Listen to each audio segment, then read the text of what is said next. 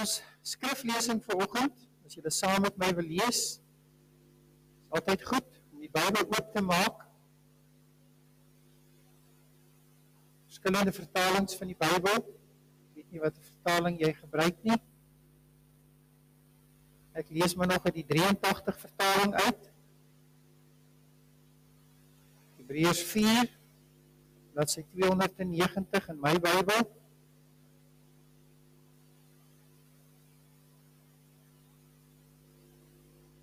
Vers 12.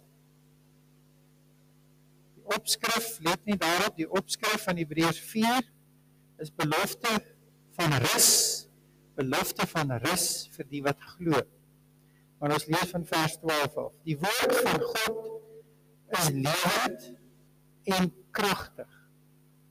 Dit is 'n lewende woord en dit het krag. Dit is is die klank reg almal duidelik en almal hoor, dankie. Dit is skerper as enige swaard met twee snykante en dring deur selfs tot die skeiding van siel en gees en van gewrigte en murg. Dit beoordeel die bedoelings en die gedagtes van die hart. Daar is ook niks in die skepping wat vir God onsigbaar is. Alles lê oop en bloot voor sy oë. En aan hom moet ons rekenskap gee.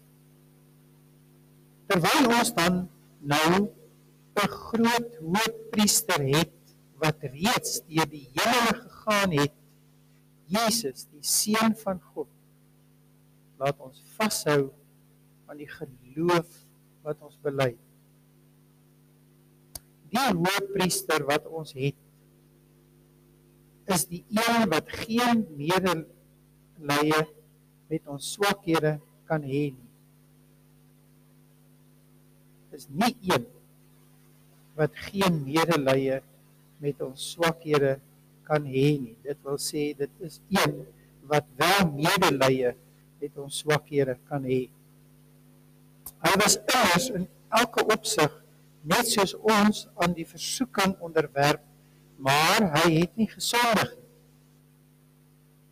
Kom ons gaan nou met vrymoedigheid, met vrymoedigheid na die genade troon sodat ons barmhartigheid en genade ontvang en so op die regte tyd gered kan word. Tot sover aan ons skriflesing.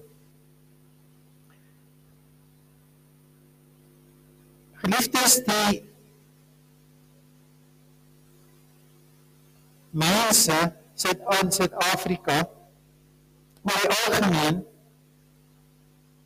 is meer angstig as in die verlede. En ek wil jy nou nie vanmôre vermoë met statistiek nie. Ek kon seker ehm um, statistiek aangehaal het wat my stelling wat ek maak vir oggend uh, bewys, maar ek glo jy stem saam met my.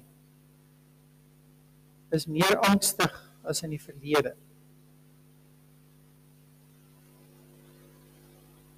Mense raak meer angstig oor die toekoms. oor hulle eie veiligheid. oor klimaatstoestande oor dinge soos voedselsekuriteit. Waar gaan ons kos vandaan kom? Die hele ding van die pandemie van die corona virus het ons ehm um, tot in ons fondamente geskit. Onsekerheid. Onsekerheid maak mense angstig. En angstigheid is 'n menslike emosie wat almal van ons het. Ek kan dit nie ignoreer. Dis daar. Dis 'n onderliggende emosie. En ons is nie net verstand nie, maar ons is ook hart. Ons dink nie net nie, ons voel ook. Kan nie daarvan af wegkom. Meer en meer mense is op pille. En gelukkig is daar pille wat help. En mense moet gaan vir behandeling as hulle angsversteurings ervaar. Maar hoe moet ons bly glo in hierdie angstige tye waarin ons leef? En soos Hebreërs 4 sê, tot rus kom by die Here. En as ons sê tot rus kom, dan sê ons nie ons moet rus en niks doen nie. Ek dink nie ons wil net gaan terugsit en niks doen nie. Ek dink ons wil lewe en ons wil met rus en vrede ons werk kan doen.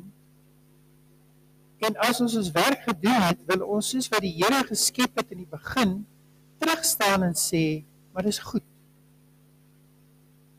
God het geskep en elke keer na elke dag wat hy geskep het, het hy gesê dit was goed.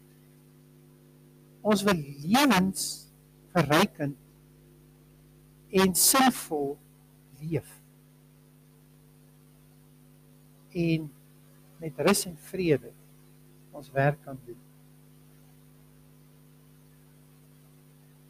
Onderliggende angs gaan nie net verdwyn nie, maar ons moet glo, die wat dan glo gelowig is, moet kan sê maar my geloof help my om ook oorwinning te kry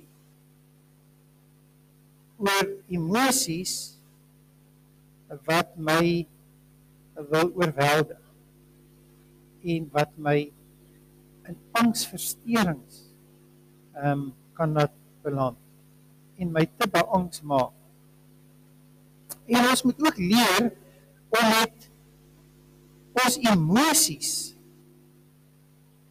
nie net wat ons wil doen nie of wat ons dink nie maar ook met ons emosies na Christus toe te gaan. Hy sê immers in die woord kom na my toe almal wat moeg en uitgeput en oorlaai is en ek sal vir jou rus gee. daarmee kom erken die Bybel eintlik dat ons as mense ook moeg en uitgeput en oorlaai kan wees. Jesus wil ook graag die angstigheid, die onderliggende angstigheid vir ons help om dit ook te kan bestuur of te kan oorwin deur die Gees wat in ons woon. 'n Kalm gemoed. 'n Kalm gemoed staan daar in die Bybel in Spreuke 14. Hou die liggaam gesond. 'n Kalm gemoed hou die liggaam gesond. Dokter sê vir ons mense is psigosomaties siek. Dis nie iets wat begin in jou liggaam begin in jou gees. Stres gee vir 'n mens hartaanvalle. Veroorsaak kanker. Dit is die gees en die liggaam werk in verhouding met mekaar. En dit het definitief 'n invloed hoe ons gees en ons ingesteldheid, ons gemoed ehm um, is dit het 'n invloed ook in ons geestesgesondheid. Vandag se boodskap gaan oor God se beloftes van sielerus vir die wat glo, vir die wat glo. Teken nie dat ons net altyd 'n rustige omgewing gaan hê. Dink nie uh ons is so onrealisties om te dink dat uh die lewe gaan net uh in bloemtuin verander die oomblik as ek begin glo. Dis 'n skokkende ervaring as 'n mens tot geloof kom en dink alles is nou wonderlik en jy moet volgende oggend weer uitstap in 'n sondige wêreld.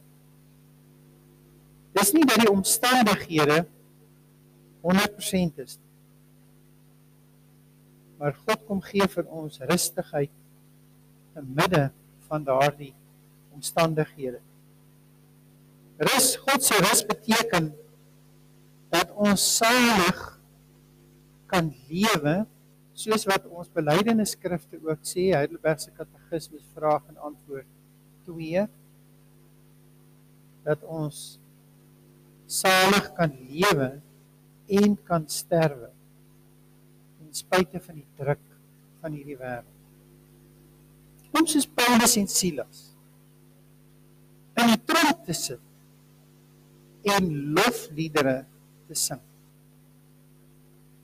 Jy sing nie as jy nie gelukkig is nie. En rustig en vrede in jou hart het. Maar hier sit hierdie twee manne in die tronk en in die middel van die nag sing hulle lofliedere tot eer van die Here. Hoe kry mense dit reg? Maar die vrede van God wat alle verstand te bowe gaan sal oor julle kom. Dit is die werk van die Gees van God wat in ons is. Maar ons moet dit glo. Dit is 'n belofte vir rus van rus. Hebreërs 4 vir die wat glo. Geloof is 'n groot komponent daarvan. As ons dit nie glo nie, sal dit ook nie gebeur nie. In die gedeelte wat ons gelees het ook staan daar dat Jesus is die groot hoëpriester. Wat is die rol of wat is die werk van 'n priester? 'n Priester is iemand wat gekies is en aangestel is om die mense waaruit wat hy verteenwoordig dan 'n priester, 'n kerk of waar ook al, soos die hoëpriester van Israel om die mense se saak by God te stel en offers te bring vir die mense. 'n Mens wat gekies is uit die mense uit om die mense se saak voor God te stel en offers te bring. Nou Jesus is ons hoofpriester in die hemel. Hy is 'n mens Hy was 'n mens net soos ons in 'n menslike gestalte. Hy kan helemaal met ons swakhede omdat hy ook 'n mens was. Ons kan nou met vrymoedigheid na God toe gaan. Deur Jesus Christus wat ons priester is, ons hoofpriester is. En dan staan daar in die gedeelte wat ons gelees het en op die regte tyd sal hy ons red. Met vrymoedigheid. Hoe kan 'n mens met vrymoedigheid na enige iemand toe gaan? Jy kan nie met vrymoedigheid na iemand enige iemand toe gaan as jy in jou agterkop die gedagte het dat ehm um, hierdie persoon my nou gaan straf dan weerhou dit jou van vrymoedig. Jy kan ook nie met vrymoedigheid na iemand toe gaan as daar nie 'n regte goeie verhouding tussen jou en daardie persoon is nie. 'n Kind sal nie na sy ouers toe gaan as hy hom nie vertrou en weet dat sy pa gaan hom nie ehm um, gaan hom net straf en ehm um, hy gaan hom net 'n pak slaag gee en daar is nie 'n goeie verhouding. So dat om met vrymoedigheid na iemand toe te gaan beteken tog dat ons moet die uh die gedagte hê dat ehm um, as ek nou gaan en vir daai persoon gaan sê wat ek nou gedoen het dan sal hy verstaan miskien as hy my straf, sal dit wees sodat ek iets kan leer. As ek 'n fout gemaak het by die werk en ek het 'n goeie verhouding met my baas en ek kan na hom toe gaan en ek sê ek het hierdie fout gemaak en hy kan na my luister en hy kan vir my sê, weet jy wat, toe ek in die besigheid ingekom het, het ek ook maar baie foute gemaak, maar ons gaan jou nie fire. Ons gaan jou leer hoe om die werk beter te doen. Dan gee dit vir ons vrymoedigheid om na so 'n persoon te gaan. Nou sê die Bybel vir ons ons kan sommer net rustig en kalm raak. Want ons het die versekering dat die goed wat ons verkeerd doen het is klaar voor betaal. Dat Christus het klaar is uh, gestraf vir ons menslike foute. En dat die Here nie daarop uit is net om ons te straf nie, maar ons tog iets te leer van hierdie lewe waarvoor Jesus gekom het om vir ons aan die kruis te sterf. En miskien soos Paulus sê, dis juis wanneer ons hierdie swakheid erken en kan bely dat God se krag in ons begin werk. Want daar staan God se krag word in ons swakheid volbring. Dis eers wanneer jy jou eie menslike gebrokenheid en swakheid kan bely voor die Here dat die gees van God en die krag van God in jou werk. Die woord van die Here oordeel die bedoelings en die gedagtes van die hart staan daar. Die bedoelings en die gedagtes van die hart. Nou ek weet nie die Ou Testamentiese mense het geglo dat jy leef vanuit jou hart uit. Ek dink in ons Nuwe Testamentiese tyd waarin ons leef, het die mediese wetenskap al seker ontdek dat 'n mens leef eintlik uit jou brein uit. Want jou gedagtes kom uit jou brein uit, nie noodwendig uit jou hart uit nie. Maar tog kom jou emosies ook uit jou hart uit. En ek dink as Paulus dan of wie hierdie brief geskryf het, waarskynlik Paulus Hebreërs geskryf het, dan sê ook sê dat ook die emosies van ons hart word deur die Here beoordeel.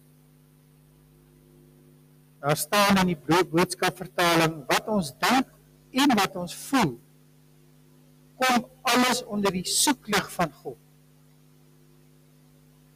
Nie net wat ons dink nie, maar ook wat ons voel kom onder die soeklig van God. Ja, en dan staan daar in hierdie gedeelte wat ons gelees het en ek probeer dit nog lekker verstaan van hoe kan daar skeiding kom tussen gewrig en murg? gewrig en murg.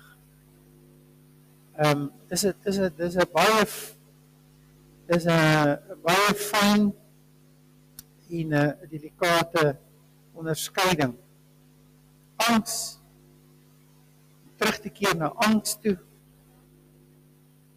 Angs en onsekerheid lê baie diep gewortel in 'n mens se onderbewuste. Jy kan nie altyd sê hierdie gevoelens en goed wat opkom in jou is dit maar net wat jy voel? Is dit wat jy dink? Of is dit vir jou is dit iets wat die Here vir jou wil aan jou wil kom bekend maak nie? Daar is 'n baie fyn onderskeid wat ons moet maak. Tussen goed wat ons maar net emotief vanuit ons emosies ervaar en of dit 'n werklike vrees is en of dit maar net iets is waarmee ons onsself mee kan bang maak. Hierdie ou mense het die die ding gehad wat hulle sê mense gaan haal altyd die bobbejaan agter die bult. Jy het al die uitdrukking gehoor. Jy gaan haal die bobbejaan agter die bult. En ek dink baie van ons het ook al seker wakker gelê en gedink. Wat gaan word van my kinders, van my kleinkinders? En is hulle veilig? Kinders uitgaan in die aande en hulle moet hier in die middernagtelike ure op die paaie ry terugkom huis toe, wat ook al. En dan begin hierdie emosies en hierdie angste en goed met my werk.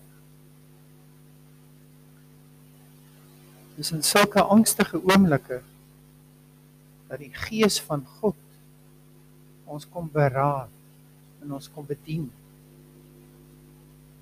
Hierdie woord van die Here, want dis die swaard van die gees.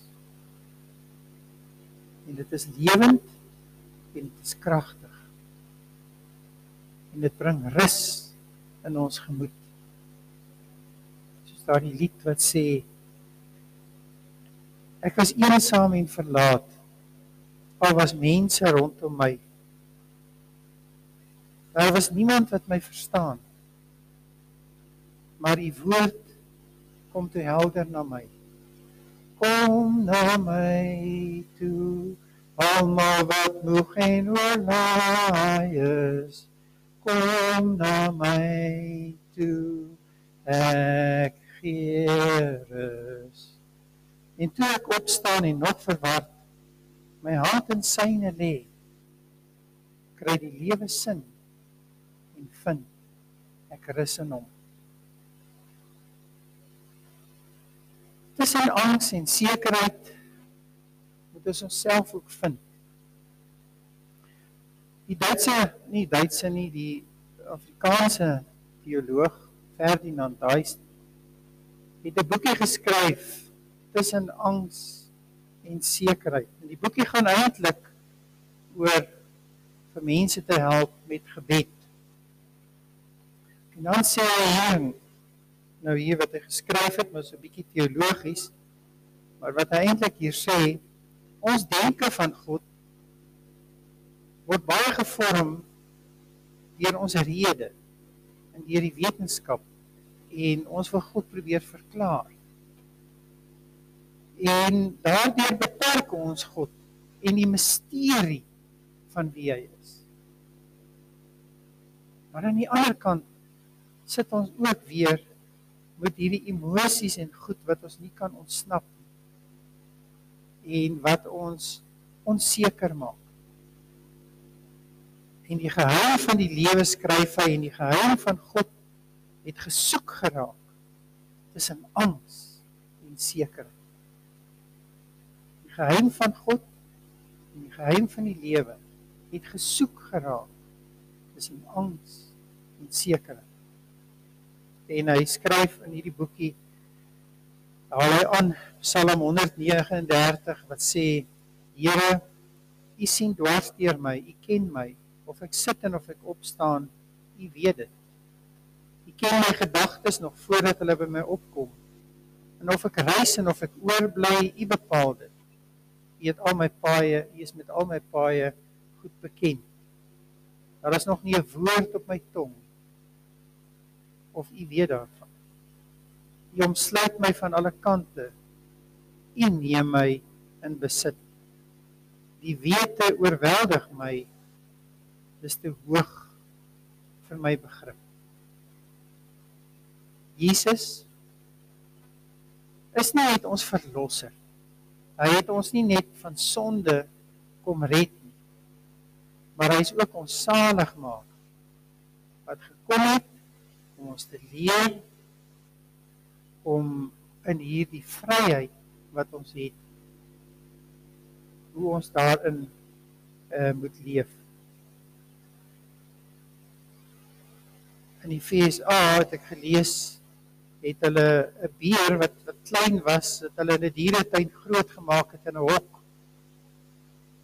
En toe die beer nou al oud en groot was, het hulle die eksperiment gemaak deur die hok weg te vat. En daai beer het elke dag nog dieselfde plek gesit, geloop, gaan eet, weer geloop, weer kom sit. Daar was nie eers meer 'n hok om hom nie maar hy het nog 'n lewe asof hy in 'n hok is. Dis wat die sonde ook kan maak met 'n mens. Dit vang jou in 'n hok. Jy moet nie net bevry word van die sonde nie, maar ook die in in jou bewussyn en jou gedagtes bevry word sodat jy nie in 'n sondehok sal bly terwyl Christus gekom het om jou vry te maak.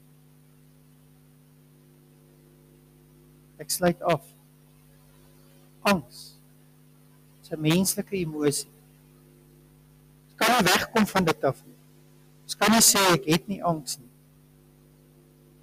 Dit is onderliggend in elke mens. Maar ons moet nie toelaat dat dit ons vrede kom steel.